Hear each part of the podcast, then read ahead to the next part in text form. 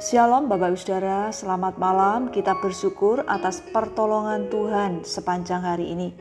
Kembali dapat bertemu di renungan malam Kamis kelima hari terakhir September 2021. Mari kita berdoa mohon pertolongan Tuhan sebelum kita membaca dan merenungkan kebenaran firman-Nya. Bapa yang di surga, kami bersyukur untuk anugerah Tuhan yang memampukan kami menjalani kehidupan ini sepanjang hari ini. Saat ini Tuhan kami akan membaca dan merenungkan firman-Mu. Kami mohon Tuhan menolong kami, membuat kami mengerti seperti yang Tuhan mau kami mengerti dan melaksanakan perintah-Mu sebagaimana Engkau mau kami lakukan dalam hidup kami. Dalam nama Tuhan Yesus kami berdoa. Amin. Mari kita memperhatikan dari Injil Markus pasal 9 ayat 1 hingga 8. Demikian bunyi firman Tuhan. Katanya lagi kepada mereka, Aku berkata kepadamu sesungguhnya di antara orang yang hadir di sini ada yang tidak akan mati sebelum mereka melihat bahwa kerajaan Allah telah datang dengan kuasa. Enam hari kemudian Yesus membawa Petrus, Yakobus, dan Yohanes dan bersama-sama dengan mereka ia naik ke sebuah gunung yang tinggi. Di situ mereka sendirian saja. Lalu Yesus berubah rupa di depan mata mereka dan pakaiannya sangat putih berkilat-kilat. Tidak ada seorang pun di dunia ini yang dapat menggelantang pakaian seperti itu. Maka nampaklah kepada mereka Elia bersama dengan Musa. Keduanya sedang berbicara dengan Yesus. Kata Petrus kepada Yesus, "Rabi, Betapa bahagianya kami berada di tempat ini. Baiklah kami dirikan tiga kemah, satu untuk engkau, satu untuk Musa, dan satu untuk Elia. Ia berkata demikian, sebab tidak tahu apa yang harus dikatakannya, karena mereka sangat ketakutan. Maka datanglah awan menaungi mereka dan dari dalam awan itu terdengar suara, Inilah anak yang kukasihi, dengarkanlah dia. Dan sekonyong-konyong waktu mereka memandang sekeliling mereka, mereka tidak melihat seorang pun lagi bersama mereka, kecuali Yesus seorang diri. Pada waktu itu Yesus mengajak tiga orang muridnya, yaitu Petrus, Yakobus, dan Yohanes, ke gunung. Di depan mereka, Yesus berubah wujudnya menjadi penuh kemuliaan dengan pakaian yang sangat putih berkilat-kilat. Mereka juga melihat Elia dan Musa berbicara dengan Yesus. Petrus merasa takut, tidak tahu apa yang harus dikatakan. Namun Petrus mengatakan ingin mendirikan tiga kemah untuk Yesus, Elia, dan Musa. Saat itu mereka juga mendengar suara yang mengatakan, Inilah anakku yang kukasihi. Dengarkanlah dia. Artinya, Yesus adalah anak Allah. Dengarkanlah, taatilah firman-Nya, perkataannya. Kemudian semua hilang. Mereka tidak melihat Elia dan Musa. Mereka hanya melihat Yesus. Tiga orang murid melihat peristiwa yang mengagumkan, mendengar langsung suara Allah yang memberitahukan siapakah Yesus, mendengarkan, mentaati, yang dikatakan Yesus. Para murid harus mengetahui siapakah Yesus, mendengarkan yang dikatakan Yesus, karena mereka akan memberitakan siapakah Yesus, mengajarkan apa yang Yesus ajarkan. Tidak semua murid melihat peristiwa yang luar biasa itu.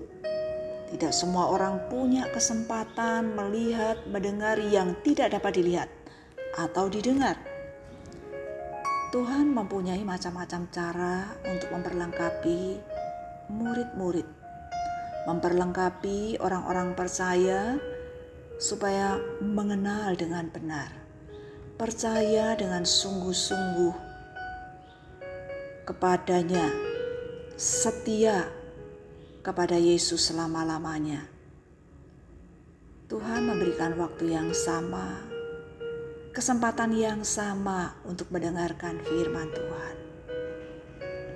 Apakah kita menyadari, merasa penting, butuh mendengar firman Tuhan. Jika Allah mengatakan pada murid-murid, "Dengarkanlah yang Yesus katakan."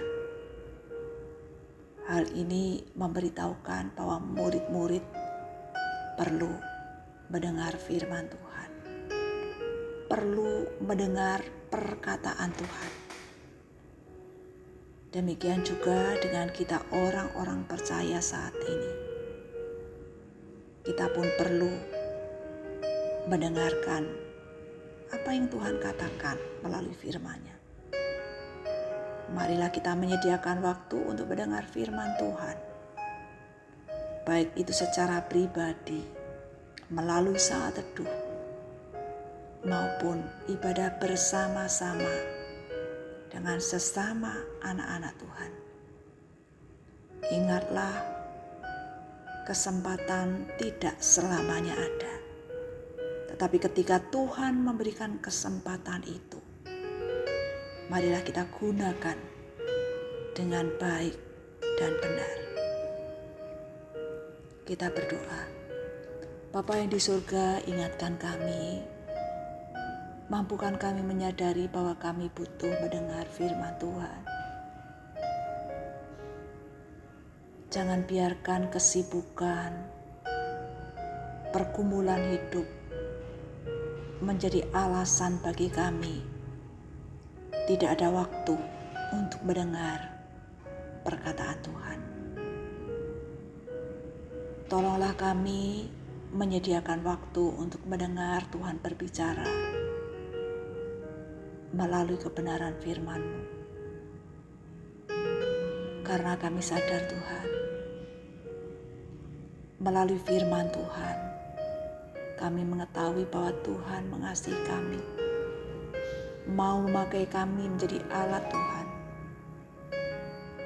mengandalkan Tuhan, percaya bahwa Tuhan bersama kami dalam situasi apa pun percaya bahwa yang Tuhan izinkan kami alami, mengingatkan kami, menyadarkan kami untuk kami senantiasa bersandar kepada Tuhan.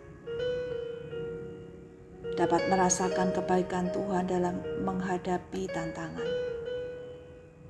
Papa, tiba waktunya kami beristirahat malam ini. Kami menyerahkan tubuh jiwa kami dalam perlindungan dan pertolongan Tuhan Yesus yang sempurna. Terpujilah nama Tuhan yang telah memperlengkapi kami, membekali kami dengan kebenaran firman Tuhan yang kami butuhkan untuk menjalani hidup di tengah-tengah dunia ini. Dalam nama Tuhan Yesus, kami berdoa. Amin. Bapak Ibu sekalian, selamat malam, selamat beristirahat. Tuhan Yesus memberkati. Amin.